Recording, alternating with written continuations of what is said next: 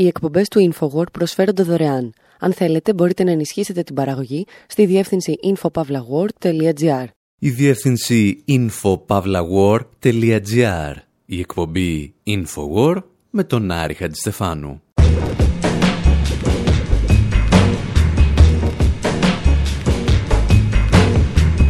όπου σήμερα ακούμε τραγουδάκια σχετικά εύθυμα για καραντίνες και κορονοϊούς. Μένουμε αποκλεισμένοι σε ένα καράβι για 40 ημέρες, αλλά ιταλικά, με εντολή του Μωυσή του ίδιου και αναρωτιόμαστε αν οι καραντίνες αποδίδουν. Παρακολουθούμε το σύστημα υγείας της Κίνας να καταραίει, όχι λόγω του κορονοϊού, αλλά του ιού του νεοφιλελευθερισμού του μονογενή. Και σκεφτόμαστε μήπως οι New York Times προσχώρησαν στο κομμουνιστικό στρατόπεδο. Και τέλος, αναρωτιόμαστε γιατί οι φαρμακοβιομηχανίες δεν δαπανούν όσα θα έπρεπε για την αντιμετώπιση των πανδημιών. Και απαντάμε, είναι ο καπιταλισμός βρε ηλίθιε.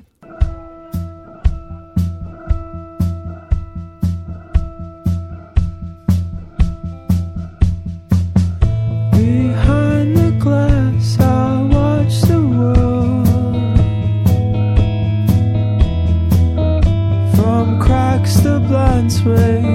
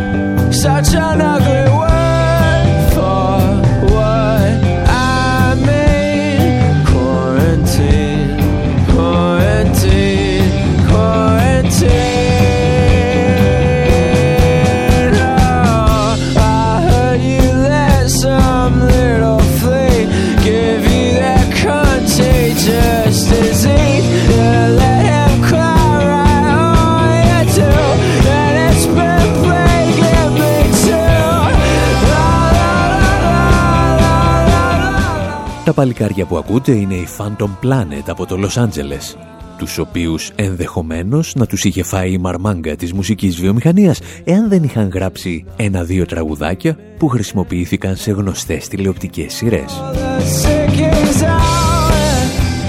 Εδώ πάλι επιχειρούν να γράψουν ένα ερωτικό τραγούδι με τον πολύ ρομαντικό τίτλο «Καραντίνα». Και ανάμεσα σε άλλα γλυκόλογα, ο καλλιτέχνης χρησιμοποιεί και λέξεις όπως χολεριασμένο, μεταδοτική ασθένεια και ούτω καθεξής.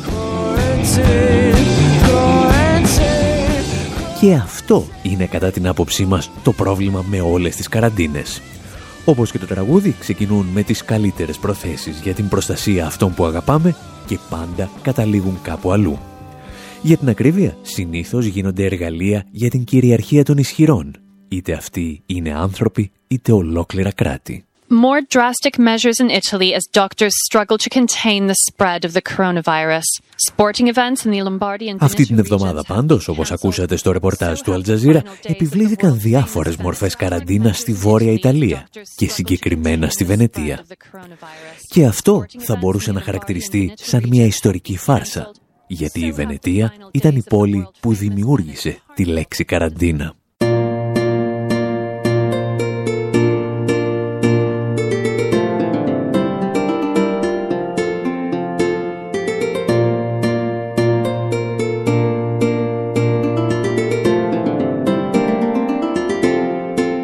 Η λέξη καραντίνα θα κάνει την εμφάνισή της το 1448, όταν η Γερουσία στη Δημοκρατία της Βενετίας θα ορίσει ότι σε περιπτώσεις πανδημίας, όπως η Μαύρη Πανόλη, τα πλοία που προσέγγιζαν το λιμάνι δεν θα μπορούσαν να αποβιβάσουν ανθρώπους ή εμπορεύματα για 40 ημέρες. 40 giorni.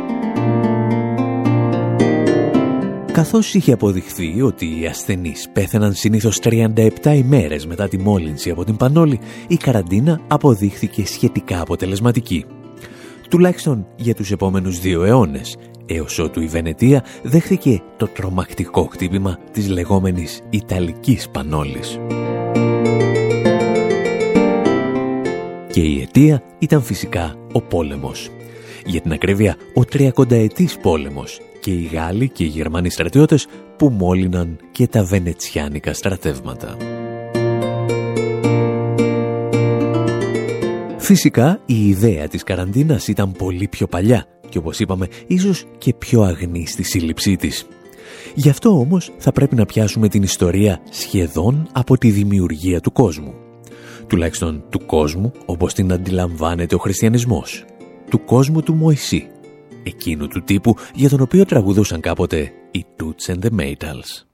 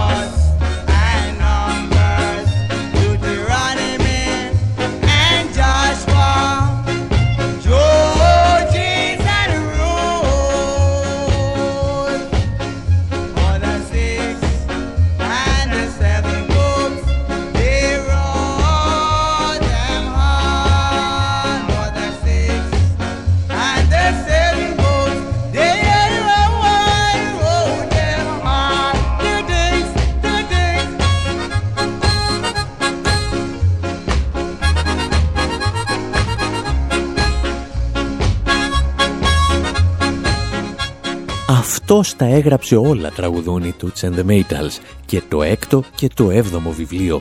Έγραψε τη γένεση, την έξοδο, το λεβιτικό, τους αριθμούς, το δευτερονόμιο, τον Ιησού του Ναβί, το Κριτέ και το Ρούθ. Και φυσικά αναφέρονται στο Μωυσή. Οι πληροφορίες βέβαια δεν είναι απόλυτα ακριβείς, τουλάχιστον σε ό,τι αφορά τα τρία τελευταία βιβλία, αλλά δεν θα ανοίξουμε τώρα κουβέντα για τις αποκρυφιστικές πεπιθήσεις του ενός και του αλουνού. Γιατί εμάς, από όλα αυτά τα βιβλία, μας ενδιαφέρει μόνο το λεβιτικό. Σύμφωνα με ορισμένους αναλυτές, σε αυτό το τρίτο βιβλίο της Παλαιάς Διαθήκης περιλαμβάνονται οι πρώτες συμβουλές για αυτό που σήμερα αποκαλούμε καραντίνα. Και ο Ιεχωβά, διαβάζουμε στο Λεβιτικό, μίλησε στον Μωυσή και στον Ααρών, λέγοντάς τους. Σε περίπτωση που κάποιος εμφανίσει στο δέρμα της σάρκας του εξάνθημα ή ψώρα, ο ιερέας θα κοιτάξει την πληγή. Αν η κοιλίδα είναι λευκή στο δέρμα της σάρκας του και δεν είναι βαθύτερη στην όψη από το δέρμα και αν οι τρίχες της δεν έχουν γίνει λευκές, τότε ο ιερέας θα επιβάλλει απλώς 7 ημέρες καραντίνας. Για να μην σας τα πολυλογούμε, ο ιερέας επιβάλλει στον ασθενή επταήμερη καραντίνα για τρεις φορές και αν μέχρι τότε δεν έχουν υποχωρήσει τα συμπτώματα, τον παίρνει ο διάολος. Σχεδόν κυριολεκτικά. Όπως συμβαίνει και με το Κοράνι, έτσι και η Παλαιά και η Καινή Διαθήκη περιλαμβάνουν τρομακτικά λεπτομερείς συμβουλές για το πώς να αντιμετωπίσεις από ασθένειες μέχρι καθημερινές ατυχίες. Και αυτό ισχύει και για την καραντίνα. Περιλαμβάνει πρόνοιες που θεωρητικά μπορούν να προστατεύσουν την πλειονότητα του πληθυσμού από ανθρώπους με μεταδοτικές ασθένειες. Η ιστορία της καραντίνας όμως, όπως είπαμε, δεν ήταν πάντα τόσο αθώα, αφού η επιβολή της ήταν μια απόφαση πολιτική.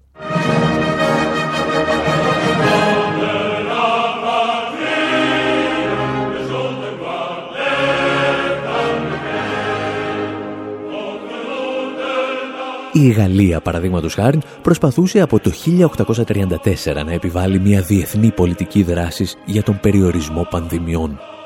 Οι προσπάθειές της όμως έπεφταν στο κενό, γιατί η Μεγάλη Βρετανία δεν τις έκανε το χαντήρι.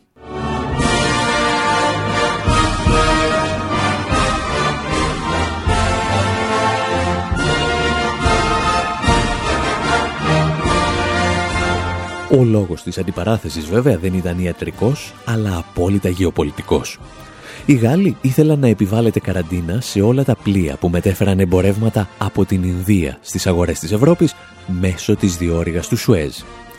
Τι σημαίνει αυτό, ότι το Λονδίνο που είχε συντριπτική υπεροχή στο θαλάσσιο εμπόριο και ουσιαστικά είχε τον έλεγχο της διόρυγας του Σουέζ, θα δεχόταν ένα τεράστιο οικονομικό πλήγμα. Η υγεία των πολιτών δηλαδή δεν είχε καμία απολύτως σχέση με την επιβολή της καραντίνας που ζητούσαν οι Γάλλοι. Όλα ήταν ένα κάλεσμα στα όπλα ενός μεγάλου εμπορικού πολέμου, ο οποίος συνεχίζεται μέχρι και σήμερα. Parce que j'ai pas la gueule de l'emploi, on me traite de racaille pendant que Sarko fixe son salaire, le peuple français crève la dalle.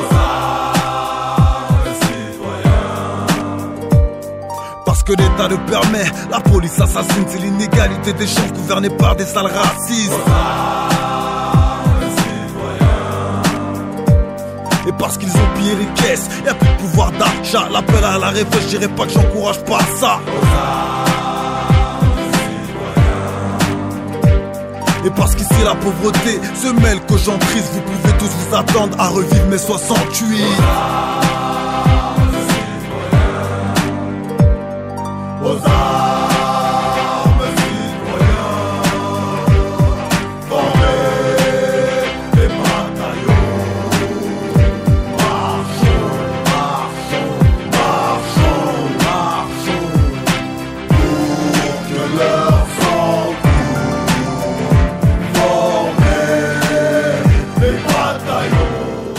Και μετά τη δημιουργία του Παγκόσμιου Οργανισμού Υγείας το 1948, η απόφαση για την επιβολή καραντίνας αντανακλούσε πολιτικές και οικονομικές επιδιώξεις. Όπως εξηγούσε παλαιότερα η Κρίστα Μάγκλεν, καθηγήτρια ιστορίας στο Πανεπιστήμιο της Ινδιάνα, η καραντίνα χρησιμοποιείται σαν εργαλείο στις διεθνείς σχέσεις και σαν μέσο καθορισμού της κυριαρχίας του κράτους. Και η αλήθεια είναι ότι σπάνια πετυχαίνει και κάτι διαφορετικό. Ο Παγκόσμιος Οργανισμός Υγείας εκφράζει εδώ και εβδομάδες επιφυλάξεις για τις καραντίνες που επιβάλλουν διάφορα κράτη για τον κορονοϊό. Γιατί, όπως εξηγεί, αυτές οι καραντίνες όχι μόνο δεν σταματούν την εξάπλωση ενός ιού, αλλά δυσχεραίνουν την αντιμετώπιση του. Τα έλεγε όμως καλύτερα από εμάς ο Κρίστιαν Λίντμεερ του Παγκοσμίου Οργανισμού Υγείας travel and trade restrictions are not recommended by the WHO. Uh, it might be a logical step to first look into this and say, look. Οι περιορισμοί ταξιδιού και εμπορίου δεν προτείνονται από το Παγκόσμιο Οργανισμό Υγείας. Μπορεί να φαίνεται λογικό ένα τέτοιο βήμα. Βλέπουμε ένα κίνδυνο από έξω, ας κλειδώσουμε τους εαυτούς μας. Όπως ξέρουμε από άλλα σενάρια, όπως του έμπολα ή άλλων περιπτώσεων, όποτε οι άνθρωποι θέλουν να ταξιδέψουν θα το κάνουν. Και αν τα επίσημα μονοπάτια δεν είναι ανοιχτά, θα βρουν ανεπίσημα μονοπάτια. Αλλά ο μόνος τρόπος να ελεγχθεί αυτό είναι να γίνουν τεστ για πυρετό, επί παραδείγματι, να καταγραφεί ταξιδιωτικό ιστορικό, να προσπαθήσει να καταγράψει ποιος περνάει τα σύνορά σου και να δεις αν έχουν σημάδια λίμωξης μέσω επίσημων σεναριακών περασμάτων.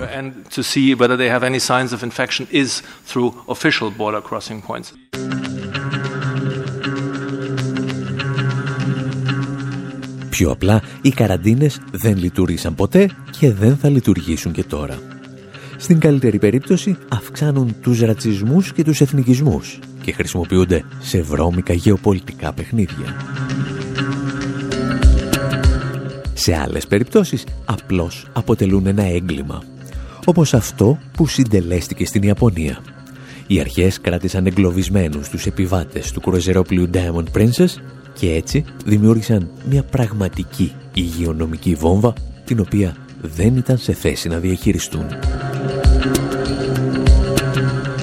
Γι' αυτό και εμείς θα αποχαιρετήσουμε τις καραντίνες με ένα σχετικό τραγουδάκι των Bonaparte και θα επιστρέψουμε για να συζητήσουμε και τίποτα πιο σοβαρό. Για την ιστορία, το τραγούδι λέγεται «Καραντίνα» και το άλμπουμ «Συγγνώμη, αλλά είμαστε ανοιχτά».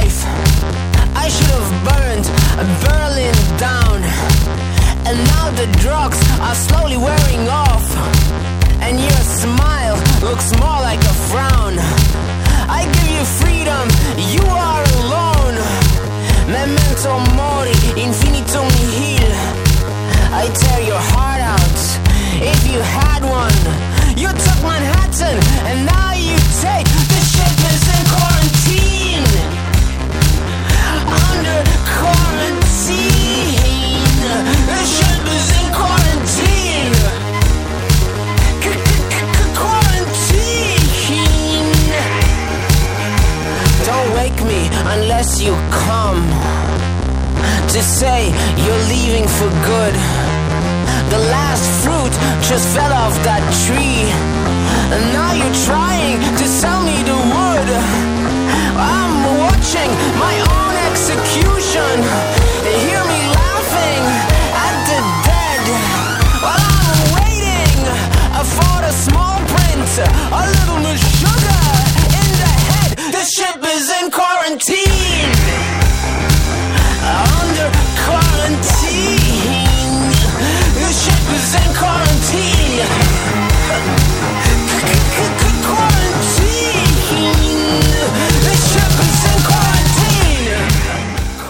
Στην εκπομπή Infowar με τον Άρη Χατζηστεφάνου συζητάμε για την πολιτική, οικονομική και ηθική αποτυχία της καραντίνας να σταματήσει την εξάπλωση μολυσματικών ασθενειών.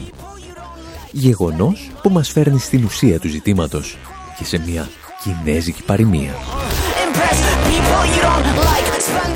Ο καλός γιατρός, λέει η παροιμία, αποτρέπει την εμφάνιση της ασθένειας. Ο μέτριος γιατρός σε επισκέπτεται λίγο πριν νοσήσεις. Και ο κακός γιατρός έρχεται όταν είσαι πλέον άρρωστος. Και αν αναρωτιέστε τι κράτησε η καπιταλιστική αλλά κατόνομα κομμουνιστική Κίνα από την παροιμία, η απάντηση είναι απολύτως τίποτα. Θα συζητήσουμε διεξοδικά το θέμα στο δεύτερο μέρος της εκπομπής, αλλά θέλουμε να σας δώσουμε μία πρόγευση. Ακούστε το παρακάτω απόσπασμα από ένα βιντεάκι που βρήκαμε στο ίντερνετ και προσπαθήστε να μαντέψετε τις πολιτικές πεπιθήσεις του δημιουργού του. Το βίντεο αφορά την κρίση που αντιμετώπιζε το σύστημα υγείας της Κίνας αρκετά χρόνια πριν από την εμφάνιση του κορονοϊού. To understand this crisis, we need to rewind a bit.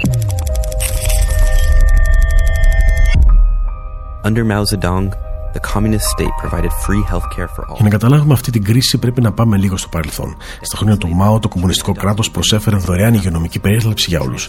Δεκαετίες αργότερα, η Κίνα υιοθέτησε μια μοναδική μορφή του καπιταλισμού που μεταμόρφωσε τη χώρα από φτωχή αγροτική σε οικονομική υπερδύναμη. Το προσδόκιμο ζωής εκτοξεύτηκε. Όμως η εισαγωγή του καπιταλισμού και η υποχώρηση του κράτους σήμαιναν πως η υγειονομική περίθαλψη δεν ήταν πλέον δωρεάν. Τα νοσοκομεία άρχισαν να κυνηγούν το κέρδος και με την περιορισμένη λογοδοσία κατηγορήθηκαν ότι ακολουθούσαν αρπακτικές συμπεριφορές. Μια κουλτούρα δυσπιστίας και ανισότητας μάστιζε τώρα το σύστημα. predatory behavior.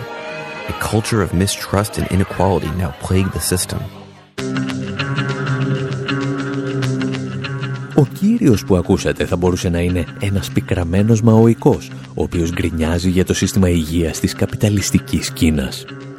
Στην πραγματικότητα, το μίνι ντοκιμαντέρ επιμελήθηκαν οι New York Times και ο τίτλος του έλεγε κατά λέξη «Πώς ο καπιταλισμός διέλυσε το σύστημα υγείας της Κίνας». Και όταν θα απαντήσουμε σε αυτό το ερώτημα, ίσως να έχουμε εξηγήσει και την εξάπλωση του κορονοϊού. Οι ιστορίες δηλαδή για το δεύτερο μέρος της εκπομπής.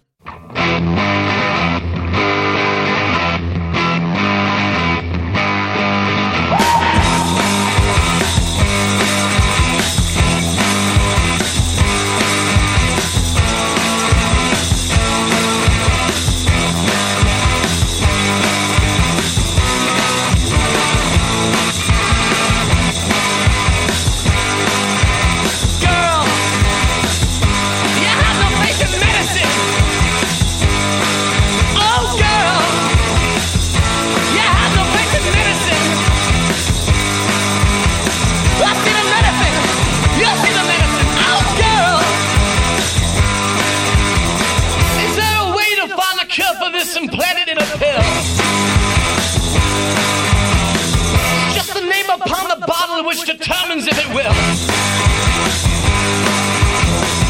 Is the problem you're allergic to a well familiar name? Do you have a problem with this one if the results are the same?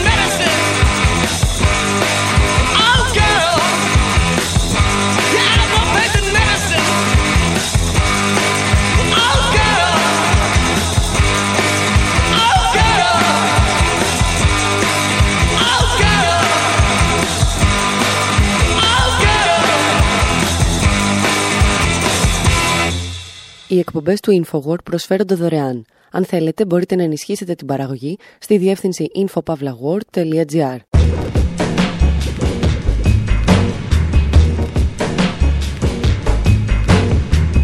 Εκπομπή Infowar μέρος δεύτερο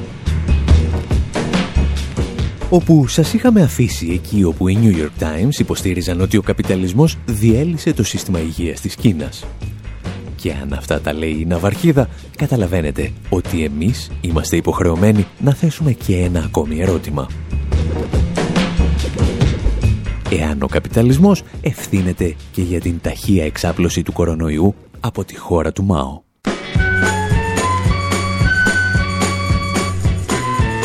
Le Vietnam brûlait, moi je hurle Mao Mao. Johnson rigolait, moi je vole Mao Mao. Le napalm coulait, moi je roule Mao Mao. Les villes crèvent et moi je rêve Mao Mao.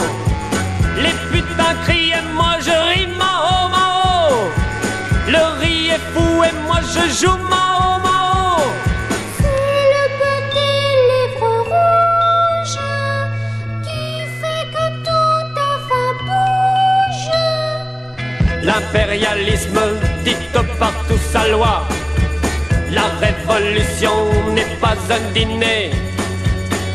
La bomba est un tigre en papier. Les masses sont les véritables héros. Les ricains tuent et moi je Mao Mao. Les fous sont rois et moi je bois Mao Mao. Les bombes tonnent et moi je sonne Mao Mao. Les bébés fuient et moi je fuis Mao Mao. Je danse Mao Mao. Diap dénonce, je renonce Mao Mao.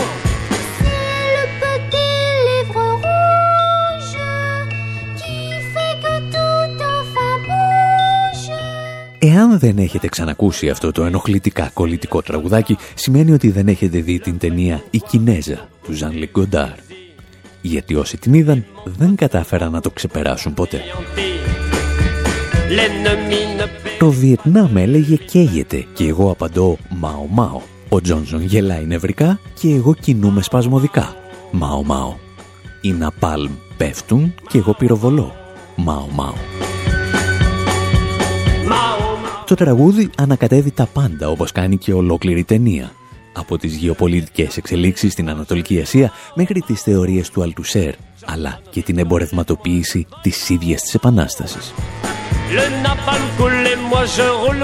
Και κανένας δεν είναι ακόμη βέβαιος εάν το τραγούδι είναι σατυρικό ή εάν ο Γκοντάρ περνούσε μια ιδιαίτερα μαοική φάση. Το βέβαιο είναι πως όποια γνώμη και αν έχει κανένας για τον Μάο δύσκολα μπορεί να παρακάμψει ένα από τα μεγαλύτερα επιτεύγματά του, το σύστημα υγείας της Κίνας. Όπως ακούσαμε να αναγνωρίζουν ακόμη και οι New York Times, ο ΜΑΟ κατάφερε να προσφέρει δωρεάν καθολική ιατροφαρμακευτική περίθαλψη στην πολυπληθέστερη χώρα του κόσμου. Το σύστημα υγείας που καθιέρωσε στηριζόταν σε τέσσερις αρχές. Πρώτον, έδινε προτεραιότητα στην εξυπηρέτηση των εργατών, των χωρικών και των στρατιωτών. Δεύτερον, έδινε έμφαση στην πρόληψη και όχι την φαρμακευτική αντιμετώπιση των ασθενειών. Τρίτον, προωθούσε την ενοποίηση της παραδοσιακής κινέζικης ιατρικής με την τεχνογνωσία που έφτανε από τη Δύση. Και τέταρτον, όριζε ότι το ιατρικό επάγγελμα θα έπρεπε να είναι συνδεδεμένο με ένα πλατή λαϊκό κίνημα. Και η συνταγή πέτυχε, με θριαμβευτικό μάλιστα τρόπο. Στο διάστημα 1952 με 1982 η βρεφική θνησιμότητα έπεσε από τους 200 θανάτους ανά χίλιες γεννήσεις στους 34. Όσο για το προσδόκιμο ζωής διπλασιάστηκε από τα 34 στα 68 χρόνια. Το πρόβλημα βέβαια, αλλά και η μαγεία με τις τέσσερις αρχές του ΜΑΟ για την υγεία είναι ότι αν εφαρμόζονταν στη Δύση θα οδηγούσαν τις μεγαλύτερες φαρμακοβιομηχανίες σε άμεση κατάρρευση. Γιατί αν δίνεις προτεραιότητα στην πρόληψη δεν μπορείς να πουλάς φάρμακα. Αν σε ενδιαφέρουν οι εργάτες και οι χωρικοί δεν μπορείς να συντηρήσεις ένα ληστρικό σύστημα υγείας. Και αν θέλεις να συνδέσεις τους γιατρούς με ένα λαϊκό κίνημα πάνε περίπατο η διαφθορά και τα φακελάκια. Το πρόβλημα ήταν ότι από τη δεκαετία του 80 οι τέσσερις αρχές του ΜΑΟ για την υγεία πήγαν περίπατο. Και τώρα έρχονται οι New York Times να μας εξηγήσουν σε τι κατάσταση έχει περιέλθει η χώρα. It's 5 a.m. and about 100 people have gathered in a line in downtown Shanghai. Είναι 5 το πρωί και περίπου 100 άνθρωποι σχηματίζουν ουρά στο κέντρο της Σαγκάης. Δεν είναι η ουρά για το σινεμά ή για την ερωταστική έκδοση. Είναι η είσοδος στο αντικαρκυνικό κέντρο της Σαγκάης στο Πανεπιστήμιο Φουτάν. Αυτοί που ήταν πρόθυμοι να χάσουν τον ύπνο τους για μία θέση στην ουρά τώρα έχουν ένα μόνο ερώτημα στο μυαλό τους. Θα μπορέσω να δω έναν γιατρό σήμερα; Will I be able to see a doctor today? Οι ουρές που σχηματίζονται εδώ και χρόνια έξω από τα κινέζικα νοσοκομεία έχουν δύο παράπλευρες επιπτώσεις. Η πρώτη είναι ότι έξω από τα νοσοκομεία δημιουργούνται μαφίες από σύγχρονους μαυραγορείτες. Με ένα αρκετά υψηλό αντίτιμο σου εξασφαλίζουν ότι θα μπεις πιο μπροστά στην ουρά. Μέσα στα νοσοκομεία τώρα υπάρχει ένα άλλο πρόβλημα. Πέφτει το ξύλο της αρκούδας. Τα εξηγούσε και πάλι το mini ντοκιμαντέρ το New York Times. China's line scalpers symbolize a greater dysfunction. Your chance of seeing a doctor here is directly related to how big your wallet is. Corruption is inherently part of the system. Οι μαυραγωρίτε ισουρέ είναι αποτέλεσμα ευρύτερης λειτουργίας του συστήματος. Η πιθανότητα να δεις γιατρό εδώ είναι άμεσα συνδεδεμένη με το πόσο μεγάλο είναι το πορτοφόλι σου. Η διαφθορά είναι εγγενές κομμάτι του συστήματος και στι αγροτικές περιοχές τα πράγματα είναι χειρότερα. Παρά τον ταχύ εξυγχρονισμό της, η Κίνα χρησιμοποιεί ακόμα το λεγόμενο σύστημα Hukou. Το Hukou του κάθε ανθρώπου ορίζεται από τον τόπο που γεννήθηκε και γι' αυτό δικαιούνται κοινωνικές υπηρεσίες μόνο σε εκείνη την περιοχή. Τα πάντα από τα σχολεία που μπορούν να πάνε τα παιδιά σου μέχρι το τι θα καλύψει η ασφάλιση υγείας σου καθορίζονται τη στιγμή Οπότε, αν έχεις καρκίνο και ζεις σε μια περιοχή χωρίς ογκολόγο, τα πράγματα γίνονται πολύ δύσκολα. Κάποιοι το συγκρίνουν με το σύστημα των καστών. Κάποιοι το συγκρίνουν με το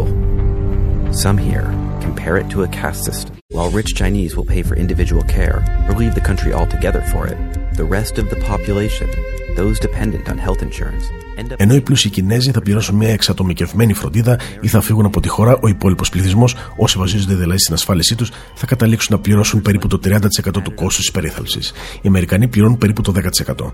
Αριθμοί όπως αυτοί συχνά μεταφράζονται σε πραγματικές σύγκρουσεις. Με ολένα περισσότερους ασθενείς και κακοπληρωμένους γιατρούς, η βία έχει γίνει συνηθισμένη σε νοσοκομεία σε όλη την Κίνα. Και με το δημόσιο σύστημα ασφάλισης να μην καλύπτει το αυξανόμενο κόστος θεραπείων και φαρμάκων, οι διαφωνίες μεταξύ των γιατρών συχνά οδηγούν σε πραγματικές μάχες. Η βία στα νοσοκομεία είναι πλέον τόσο συνηθισμένη στην Κίνα, ώστε απέκτησε τη δική της λέξη που την περιγράφει, γυμνάο, σε ελεύθερη απόδοση ιατρική αναταραχή. now, roughly translated as medical disturbance.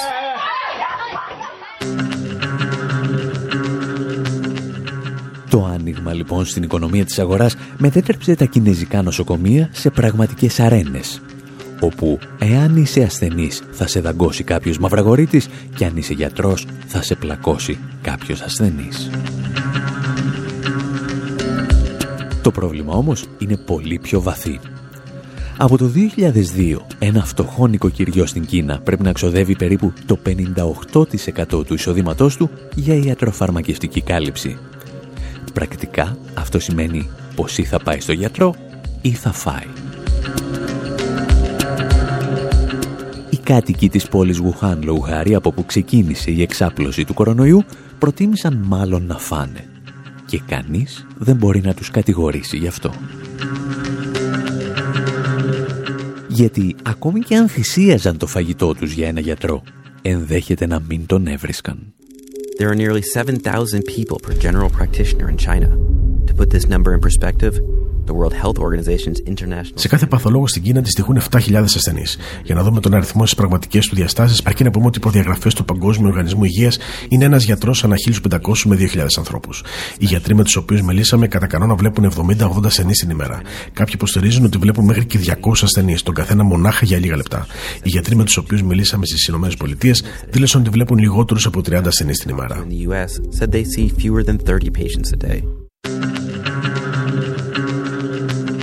Το πρόβλημα με τον κορονοϊό λοιπόν ήταν ότι καταρχήν οι φτωχοί κάτοικοι της πόλης Γουχάν δεν είχαν χρήματα να δουν ένα γιατρό. Και ο γιατρός έλειπε. Γιατί μετά το 1980 οι δαπάνες για την υγεία έπεσαν από το 35% του ΑΕΠ στο 15%. Τα χρήματα γίνονταν κρατικές επιδοτήσεις προς το ιδιωτικό πλέον σύστημα ασφάλισης. Την επόμενη φορά λοιπόν που κάποιος θα σας πει ότι φταίνε οι Κινέζοι για τον κορονοϊό, εσείς μπορείτε να το απαντήσετε «Φταίει ο καπιταλισμός, ηλίθιε». It's the economy. Stupid. The economy that looks for the maximum return, for the quick turnaround, for the short term gain, for the unearned income, for the big lotto. It's the economy, stupid. The economy is impatient. It has a short attention span. It is easily bored. It is hungry. It is late for its next appointment. It puts you on hold. Does not return your call. It's the economy, stupid. Μιλώντας πάντως για τον ιό του καπιταλισμού των μονογενή, υπάρχει και μία ακόμη πτυχή που οφείλουμε να αναλύσουμε. Τα συζητούσαμε, αν θυμάστε, στα χρόνια του έμπολα. Εξηγούσαμε πως οι ασθένειες αυτές ξεκινούν από χώρες που έπεσαν θύματα οικονομικής εκμετάλλευσης και πως τα ιδιωτικά συστήματα υγείας δεν θα δώσουν ποτέ προτεραιότητα στην πρόληψη της εξάπλωσης πανδημιών. Λέγαμε δηλαδή κουβέντες και ακούγαμε μουσικές σαν κι αυτές. Ebola, Ebola eater. Don't touch your friend, no touching. No eating something dangerous. Ebola, Ebola eater. Don't touch your friend, no kissing. No eating something dangerous. Ebola, Ebola eater. Don't touch your friend, no touching. No eating something dangerous. Ebola, Ebola eater. Don't touch your friend, no kissing. Eating something. I wake up in the morning, I started yelling, people them yelling. Now what you happy? What you? My picking what you? What you? I say what you happy? Yes, it's a rabbi. Places on the inside, frisky. They think that incha, they quit your kill. I don't miss carry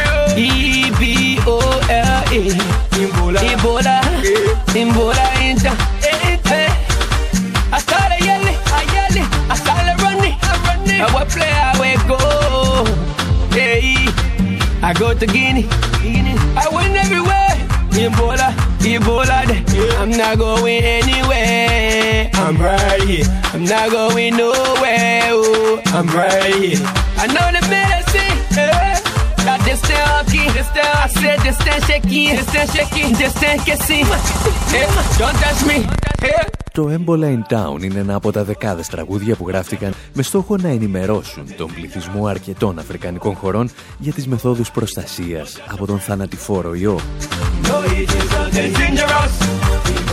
Ακόμη και από αυτές τις βασικές συμβουλές προκύπτει ότι ο έμπολα είναι μια σχετικά δύσκολα μεταδιδόμενη ασθένεια αφού για να συμβεί το μοιραίο απαιτείται άμεση επαφή και ανταλλαγή σωματικών υγρών. Για την ακρίβεια, όπως έλεγε και ο Πίτερ Πίοτ, επικεφαλής της Βρετανικής Υπηρεσίας Υγιεινής και Τροπικών Νοσημάτων, για να κολλήσεις έμπολα δεν αρκεί να κάτσει κάποιος δίπλα σου στο μετρό και να σε ακουμπάει. Πρέπει να κάνει και εμετό πάνω σου. Το οποίο, εκτός από ιδιαιστικό, είναι και αρκετά παρήγορο σαν σκέψη. Το ερώτημα όμως που προκύπτει είναι Εάν είναι σχετικά δύσκολα μεταδιδόμενος ο ιός, γιατί προχωρά τόσο γρήγορα και κυρίως γιατί εξαπλώθηκε έτσι σε συγκεκριμένες χώρες της Αφρικής, δηλαδή στη Λιβερία, τη Σιέρα Λεόνε και τη Γουινέα. Η προφανής απάντηση είναι ότι πρόκειται για τρεις από τις φτωχότερες χώρες του πλανήτη. Η δική μας απάντηση όμως είναι ότι πρόκειται για τρεις από τις πλουσιότερες χώρες σε φυσικούς πόρους. Η Γουινέα είναι ο μεγαλύτερος εξαγωγέας βοξίτης στον κόσμο. Η Σιέρα Λεόνε έχει από τις μεγαλύτερες παραγωγές διαμαντιών και η Λιβερία καουτσούκ. Τι σημαίνει αυτό στην πράξη; Ότι η Γουινέα έγινε από πολύ νωρίς γαλλική απικία, η Σιέρα Λεόνε βρετανική και η Λιβερία de facto αμερικάνικη. Wherever wheels are turning, no matter what the load, the name that's known is Firestone.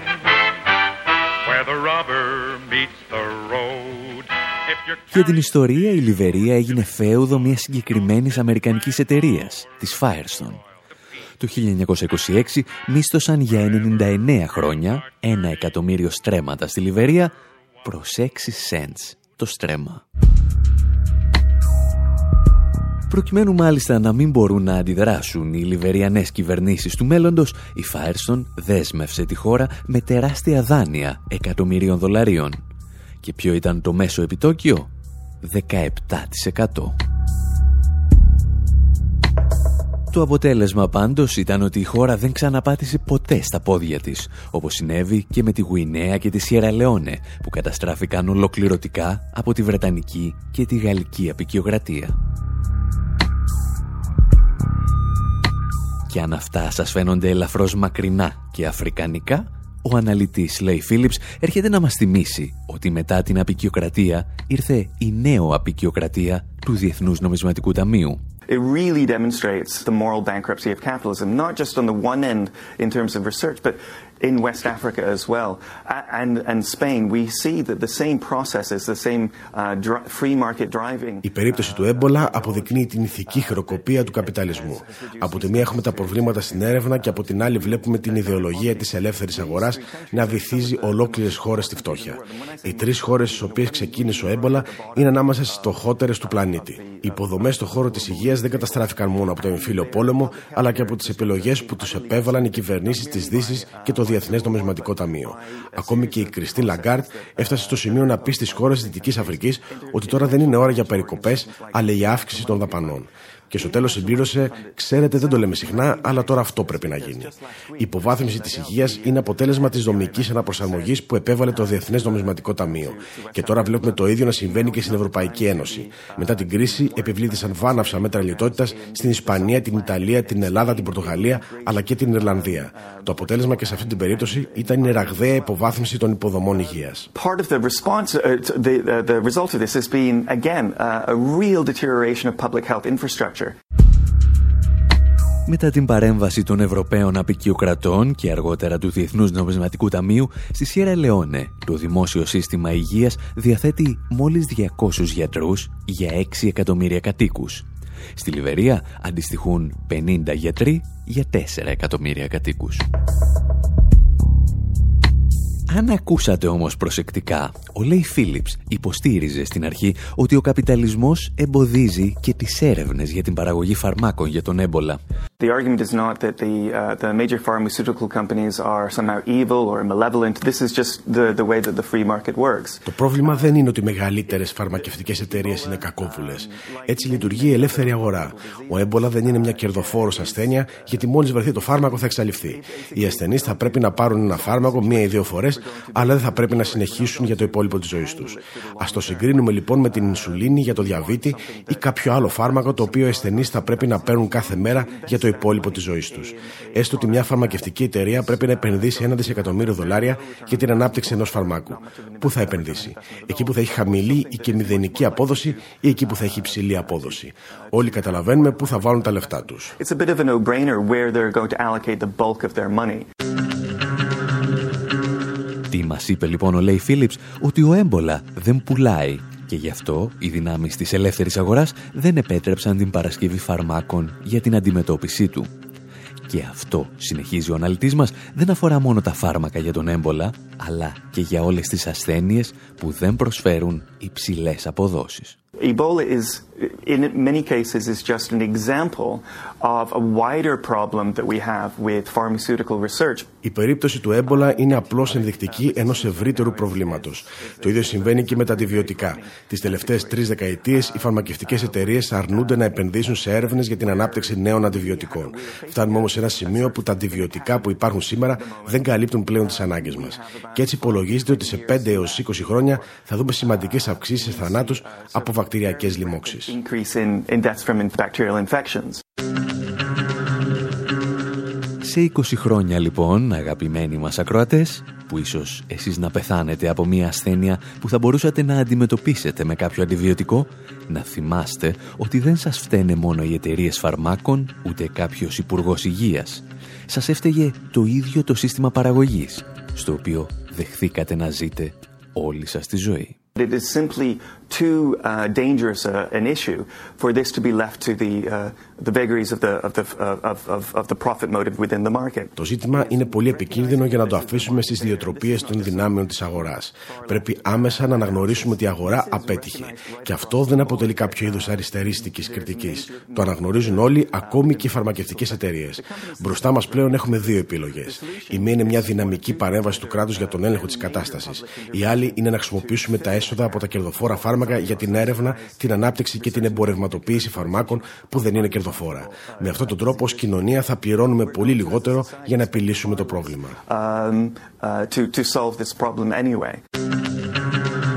Το βέβαιο είναι ότι αν αφήσουμε την παραγωγή φαρμάκων στις δυνάμεις της αγοράς, μπορεί να μην έχουμε τα αντιβιωτικά που χρειαζόμαστε σε 5 ή σε 20 χρόνια, αλλά θα έχουμε κούτες με προζάκ για να πνίξουμε τον πόνο μας στις κηδείες φίλων και συγγενών.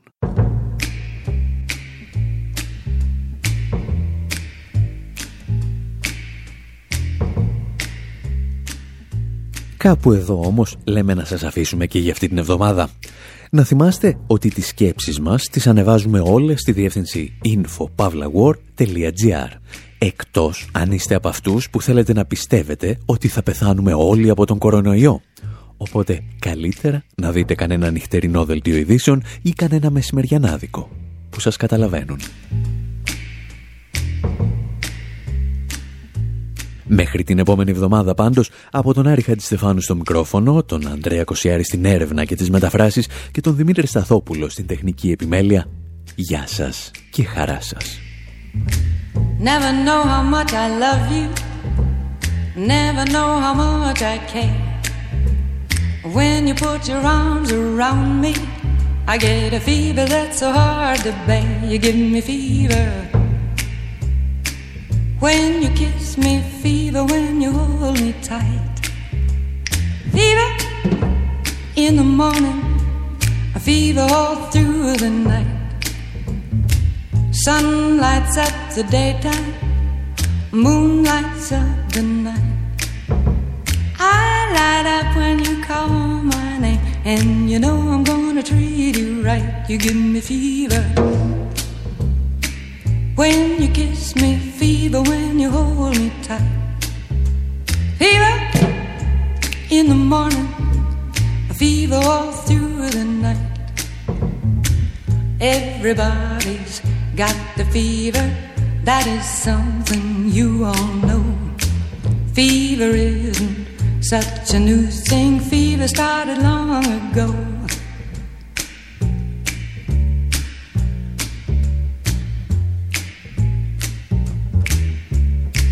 Romeo loved Juliet, Juliet, she felt the same.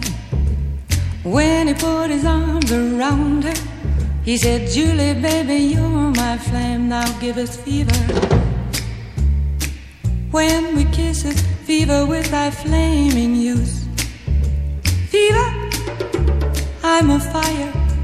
Fever, yea, I burn forsooth.